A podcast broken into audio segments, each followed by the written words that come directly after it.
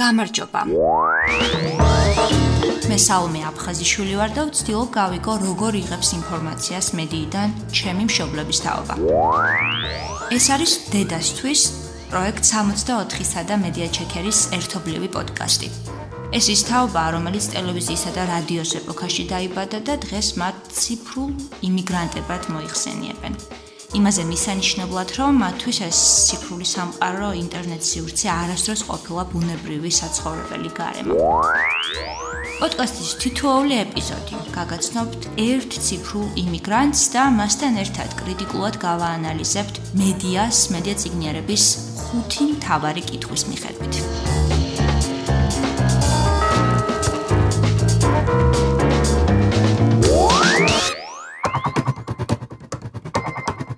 ვინ შექმნა ამბავი? რა მეთოდებია გამოყენებული ჩემი ყურადღების მისაპყრობად? როგორ აღიქვამს ერთსა და იმავე გზავნილს სხვადასხვა ადამიანი? რა იდეოლოგია დგას ამ ამბის უკან? რა არის გამოტოვებული?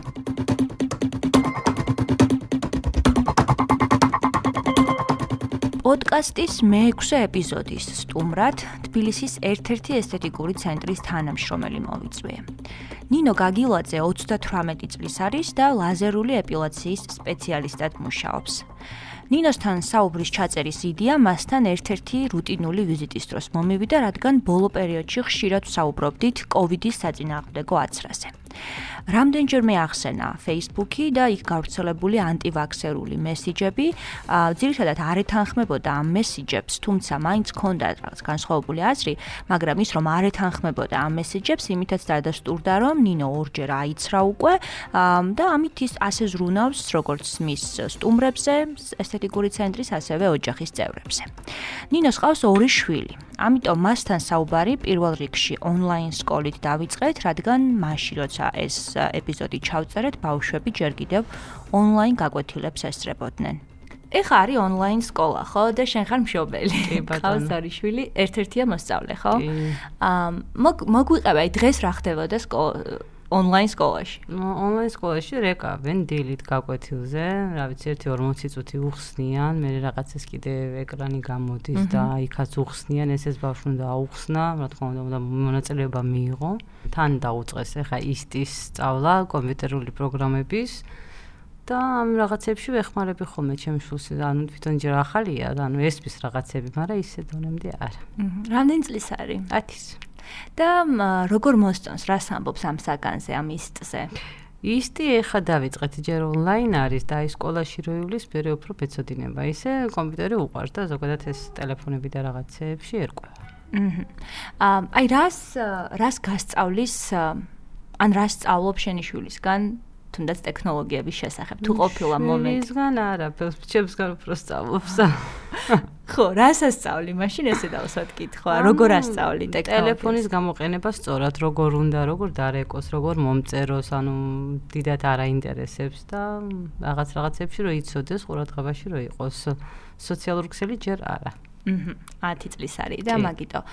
როგორ ფიქრობ? აი როგორი პოლიტიკა გექნება შენ შულთან პოლიტიკა ესეთი მძიმე სიტყვა მაგრამ აი რა ტაქტიკა სტრატეგია გექნება შენ შულთან ამ მიმართულებით ტექნოლოგიებს? როცა უკვე სოციალურ ქსელსაც ალბათ ეკნება კონტროლებ აუცილებლად. ანუ ისეთ ამამად ვერ ბიუშვებ სოციალურ ქსელში არა იმიტომ რომ ძალიან ცუდი რაღაცებს შვებია აა ჯერ არ გიფიქრია, თქვა აი ეს, ну კონტროლი იქნება ალბათ ესე ზოგადად ფიქრობ რომ აკონტროლებ, მაგრამ თუ გიფიქრია, აი მასთან როგორ მოილ, იმიტომ რომ კონტროლი არავის არ უყარს და მათ შორის ახალგაზრდებს და როგორ ფიქრობ რა რა იქნება შენი პასუხი? მოლაპარაკებით და ესე დაკალობით უფრო ანუ შვიდა წყნარად, ვიდრე ახლა ჩხუბი და ემით ხო არა მგონია რამე გაუვიდეს ვინმეს ვინმესთან აა შენ თქვი რომ არაინტერესებს დიდად ტელეფონიო 10 წლის არის და ცოტა ისეთია უცნაური იმიტომ რომ მაინც ყველა ბავშვს დღეს მართლა ტელეფონი ტელეფონში აინტერესებს მარტო მულტიკების ყურება აჰა. ანუ უყურებს ძირითადად YouTube-ი, ხო?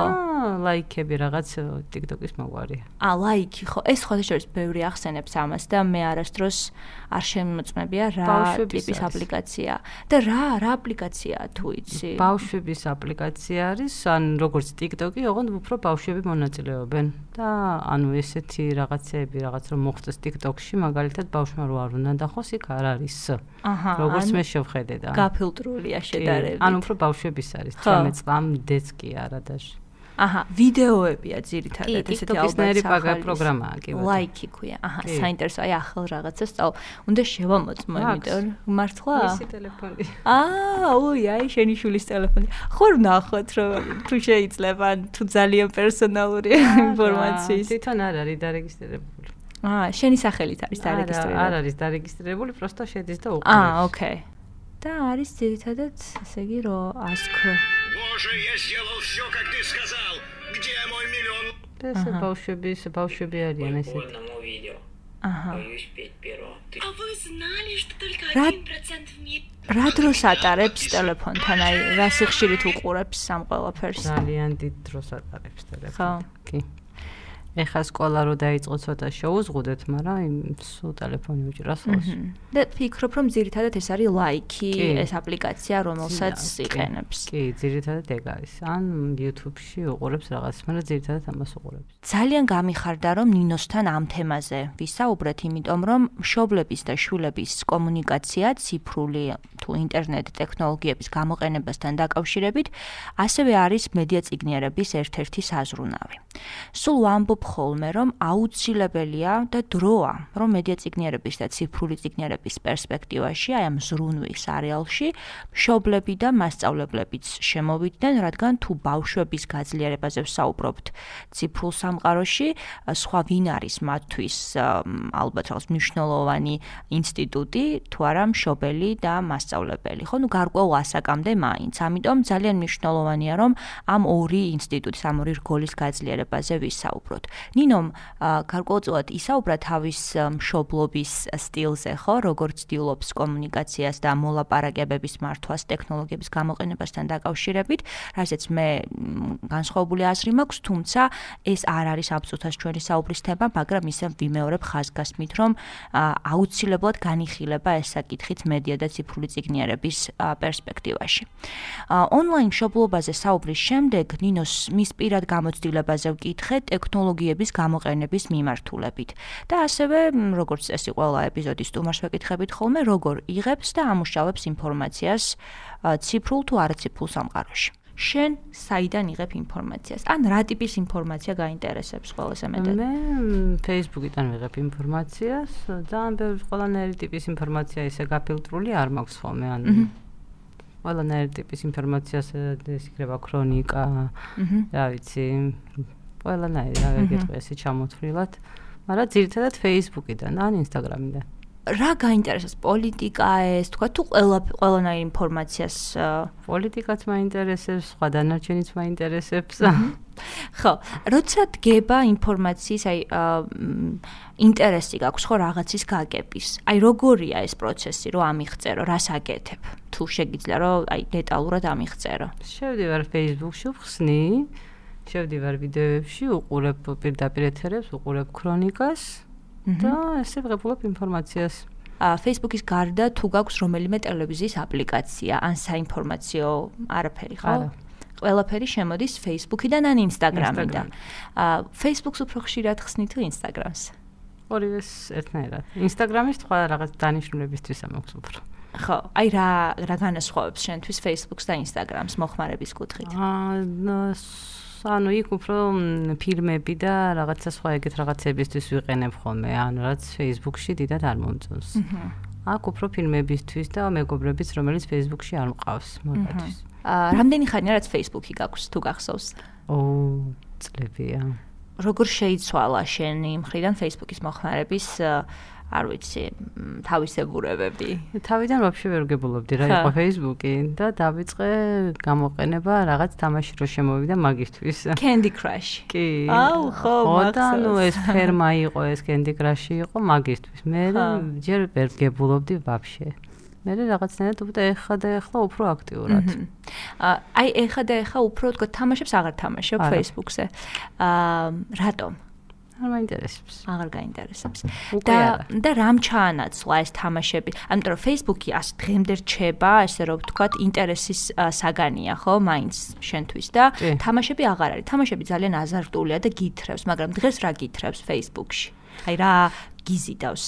დღეს რა ვიცი, მეგობრები გამიმოწერა, სურათები, ლაივები და ნუ ინფორმაცია რა ხდება მსოფლიოში. მედია ციგნიერების ექსპერიმენტის დაწყებამდე ნინოს ვკითხე თუ ქსმენია ოდესმე მედია ციგნიერება. არა. არა.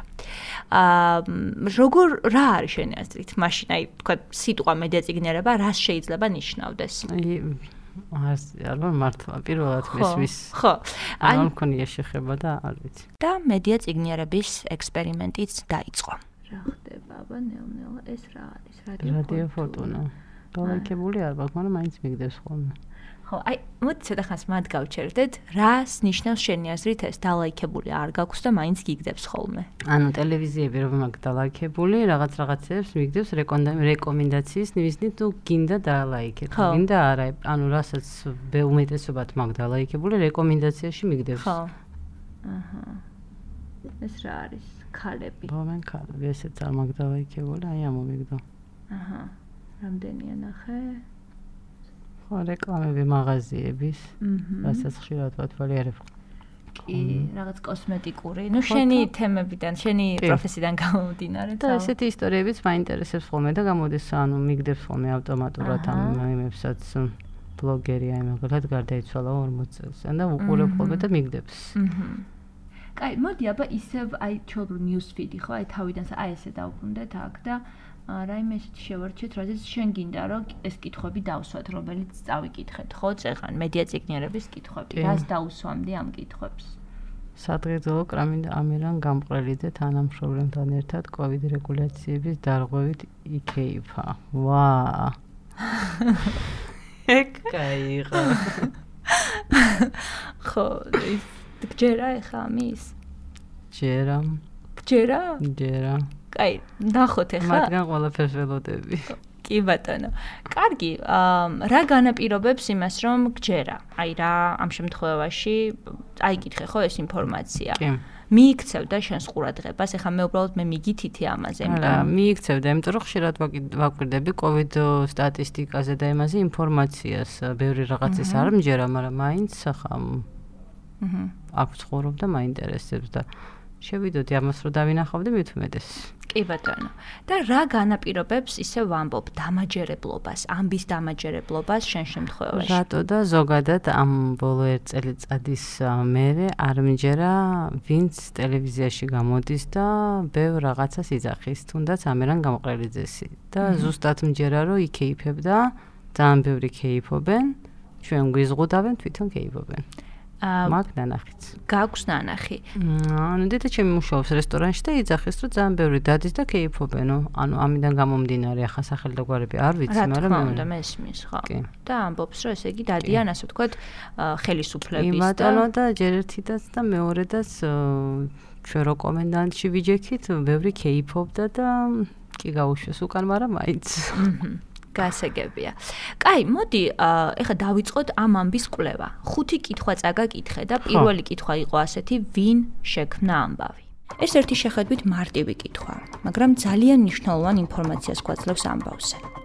ამ კითხვაზე პასუხის გასაცემად აუცილებელია ვიცოდეთ ორი რამ. ერთი, რომ ეს ამბავი ჩვენამდე მოსული ფორმით ვიღაცამ, ან ვიღაცებმა შეარჩიეს და მეორე, ამბავი შეიქმნა ამ არჩევანის შედეგად. TV25-მა.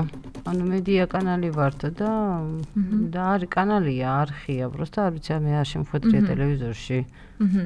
იმას წერენ ახსნას. კაი, აბა ჩამოვყვეთ და ბათუმის არხია. ბათუმი? ხო. აჰა, გასაგებია. კი. და ხანდახან მიგდევს ხოლმე, ახლა სულ უყურებ მეთქი თქვილია, უფრო ისეთ არხებს უყურებ, რომელიც ისა ახაც ამასაც მიგდევს და აი აჰა უყურებ ხოლმე ხანდახან. წავიკითხოთ აბა ეს რა რას ამბობს საწერია. სტუდია მინიატურის ინფორმაციით 25 სექტემბერს დაავადებათა კონტროლის ეროვნული ცენტრის ხელმძღვანელი ამირან გამყრელიძე თანამშრომლებთან ერთად კოიდ რეგულაციების დარღვევა იქეიფა, დარღვევით იქეიფა. აჰა. მათი ინფორმაციით გამყრელიძე მანამდე ველის ციხეში ვაქცინაციის ცენტრში მონახულა, მოინახულა და მოსახლეობას შეხვდა. აჰა. მოქმედ რეგულაციების მიხედვით რეღია სივრცეში სკამების საზურგეებს შორის მანძილი უნდა იყოს 1 მეტრი. დაავადებათა კონტროლისა და საზოგადოებრივი ჯანმრთელობის ეროვნული ცენტრი განაცხადა, რომ იქ ყოფი ადამიანები აცრები არიან და ღია სივრცეში მოქმედ რეგულაციებს არ არღვევენ. აჰა. ანუ ღია სივრცეში იქეიფაო და არაფერი არ დაურღვევია. კი ბატონო. კითხვა ნომერი 2. რა მეთოდებია გამოყენებული ყურადღების მისაპყრობად? წინადადებებისა და სიტყვების არჩევანი, აუდიო-ვიზუალური ეფექტები. ის ცვლილებები, რომელიც კადრიდან კადრზე გადასვლის დროს ხდება. ციტატა, რომელსაც ვკითხულობთ, ფერი, რომლითაც ეს ციტატაა გაფერადებული. ეს ერთი შეხედვის ტექნიკური დეტალებია, მაგრამ გამოყენებული იმისთვის, რომ აუდიტორიის ყურადღება მიიპყროს. სწორედ ამ მეთოდების მარტივ მომრავლებად დაშლა და ანალიზი გვეხმარება მივიღოთ პასუხი მეორე კითხვაზე. როდესაც პირველად დავინახეთ ეს ინფორმაცია, რა მიიქცია შენი ყურადღება? ამერან გამყრელი და ყანწიტხში. ხო, ანუ ეგ უკვე ქმნის ინტერესს და შენს ყურადღებას იპყრობს. სხვა რა? სათაური? სათაურიც რა თქმა უნდა, რეგულაციების დარღვევა, ანუ ხო. ვიზუალურად რას ხედავ? აი როგორ არის ეს გამყარებული, რომ შენ ეს დამაჯერებლობა შეგძინოს, ხო? შეგძინოს. აი ახლა ვიცი რა არის უცბად რომ სანამ ზოგადად სანამ არ შეხვალ და არ წაიკითხავ, ანუ იქ სათაური წერია სხვა, რომ შედიხარ უკვე ხვდები რომ სულ სხვა არის. აი ახლა მიხვდები რომ არაფერი არ დაურღვევია. იქ კი გიწერენ რომ დაარღვიაო, ანუ წინასწარ უნდა არ უნდა იმასქნა რა. მე კი მჯერა მაინც რო კეიფობენ რეგულაციებს რო არღვევენ, მაგრამ მაინც. ხო. აი ძალიან საინტერესო შეჯამება იყო, ანალიზი იყო პრინციპში, ხა ეს შენაც გააკეთე. რამდენად ხშირად ყოფილა ესეთი შემთხვევა, რომ ხშირად სათაური სხვა ამბობს ხოლმე? ხშირად. შესაბამისად რა უნდა იყოს სწორი გადაწყვეტილება, სწორი ქმედება ასეთ დროს? ასეთ დროს წინასწარ კი არ უნდა განსაჯო და არის მასკნა, ჯერ უნდა გახსნა, თუნდაც კომენტარს რო დაწერ და მე უნდა დააკომენტარო, რომ მიხვდა რა ინფორმაცია არის და არა სათაურით მასკნა, რასაც იქ ასათაურებენ. ეს არის ინტრიგის მაგვარი რა. რა მიზანი ქონდა ამ შემთხვევაში ამ ამბის შემქმნელს TV25 შენი აზრით? ჩემი აზრით, ბევრი ცუდი კომენტარი და აგრესია გამოეწვია ხალხში. კითხვა ნომერი 3. როგორ აღიქვამს ერთსა და იმავე გზავნილს სხვადასხვა ადამიანი? ეს კითხვა ინტერპრეტაციების მრავალფეროვნებაზეა. ანუ ერთსა და იმავე ამბავს დედა და შვილი, სტუდენტი და პროფესორი, ქალი და კაცი, ბებია და შვილიშვილი, დასაქმებული და უმუშევარი, უფრო ზუსტად რომ ვთქვათ, ორი საუკეთესო მეგობარიც კი სხვადასხვანაირად აღიქვამს. ამიტომ კითხვა ნომერი 3 გვეხმარება გამოვიკვლიოთ ინტერპრეტაციები ერთი და იმავე ამბავზე. ჩემი მეზობელი არ გახსნიდა და იტყოდა რომ აი ჩვენ გვიზღუდავენ თვითონ შეიფობენ. აჰა. მე პირადად გავხსნიდი. ახლა სხვა ჩემი თანამშრომელიც შეიძლება გაიხსნა, შეიძლება არ გაიხსნა, მაგრამ ჩემი მეზობელი ვიცი რომ არ გახსნიდა. აა რას აჩვენებს ეს? აი რა ტენდენციაზე მიუთითებს ასეთი ტიპის განსხვავებული? ჩემი აზრით არ არის სწორი. იმიტომ რომ ჯერ სანამ იმეს გაჟი უნდა გახსნა, წაიკითხო. და მე უკვე მიხვდე. აჰა. ანუ სიღრმისეული კვლევა არის ძალიან მნიშვნელოვანი. რა თქმა უნდა. განსაკუთრებით მაშინ, თუ საქმე ეხება სოციალურ მედიაში ამბის მოძიებას. კითხვა ნომერი 4. რა იდეოლოგია დგას ამ ამბის, ამ მესიჯის უკან? სიტყვა იდეოლოგია ამ კონტექსტში გულისხმობს კონკრეტული ღირებულებების, რწმენა წარმოდგენების, პოლიტიკური, ეკონომიკური, რელიგიური თუ სხვა შეხედულებების ერთობლიობას, რომელიც ჩვენს ყოველდღიურ ქმედებებს და არჩევანს განაპირობებს.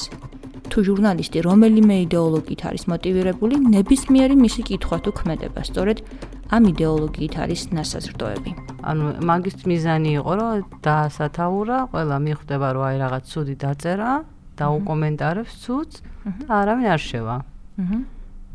ამის მიღწევა უნდა და ჩემი აზრით, რა ვიცი. არავინ არ შევა. ნუ ხო, სათაურს რო წაიკითხოს, არ წა, კომენტარებს და რაც უფრო მეტ კომენტარს მიიღებს, ახლა არიან ეგეთი ფანატიკოსები, რომ აი რამდენი კომენტარი რა დამიწერა, ვინ დამიწერა, რა ვიცი, ალბათ ეგრეა. ანუ Facebook-ზე იყო, Facebook-ზე დაიწერებოდა ეს აგრესიული კომენტარები იმის ნაცვლად, რომ ვიღაცას გაეხსნა ეს, ხო?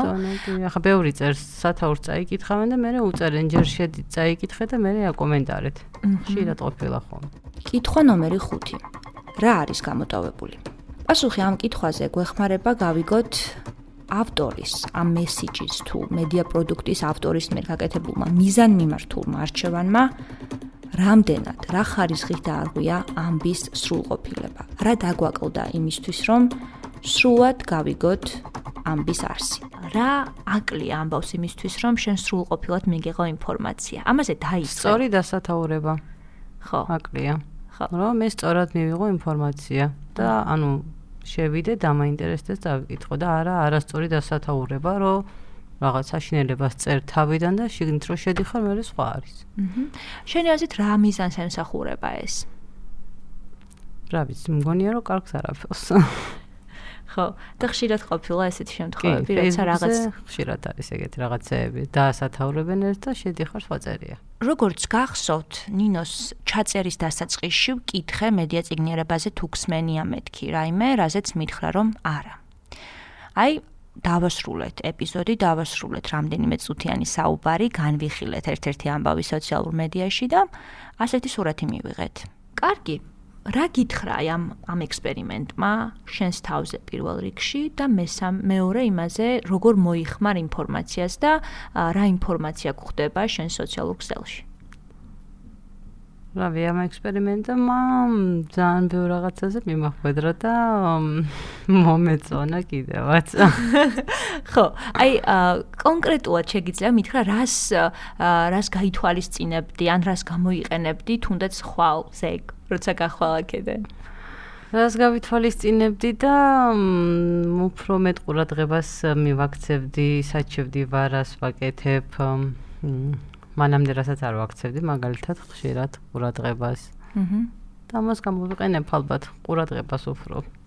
ყურადღებას. ძალიან მნიშვნელოვანია. ძალიან გვჭირდება ყველას Facebook-სეც და ალბათ ისეთ ზოგადად თანამედროვე ციფრულ სამყაროში ინფორმაციის მოხმარების მხრივ. ერთი რაღაც მინდა სანამ ასე ვთქვათ შევაჯამებთ და დავასრულებთ, ისევ დაუბრუნდეთ ამ ამბავს და მე მაინტერესებს, მინდა რომ Facebook-ზე ნახო ამ ამბავს რამდენი კომენტარი აქვს და რა ტიპის კომენტარები წერია. ერთი წუთი ახლავე. აჰა. აბა, საწავით, აჰა, გერ არის. აი, 18 კომენტარი აქვს. აჰა. 18. როდის არის გამოქვეყნებული?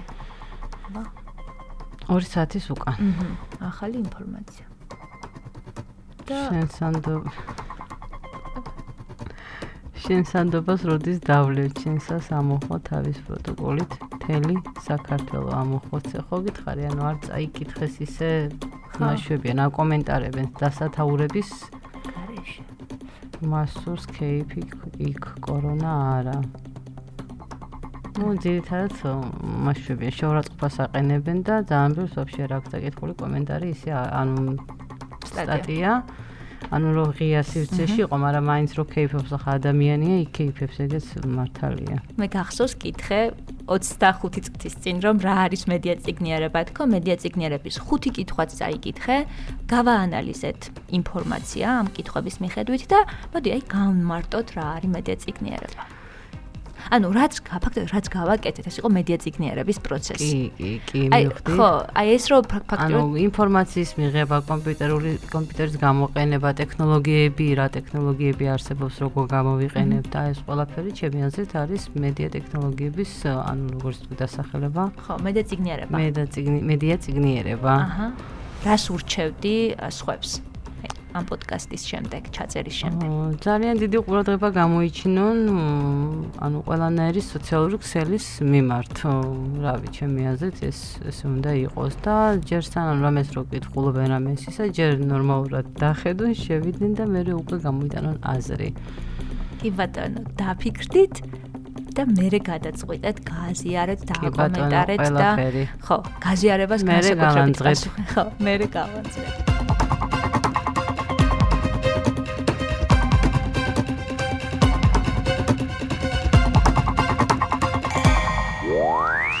ეს იყო დედასთვის. პროექტ 64-სა და მედია ჩეკერის ერთობლივი პოდკასტი, რომელსაც იპოვით პროექტ 64-ის ყველა პლატფორმაზე. მე სალომე აფხაზიშვილი ვარ.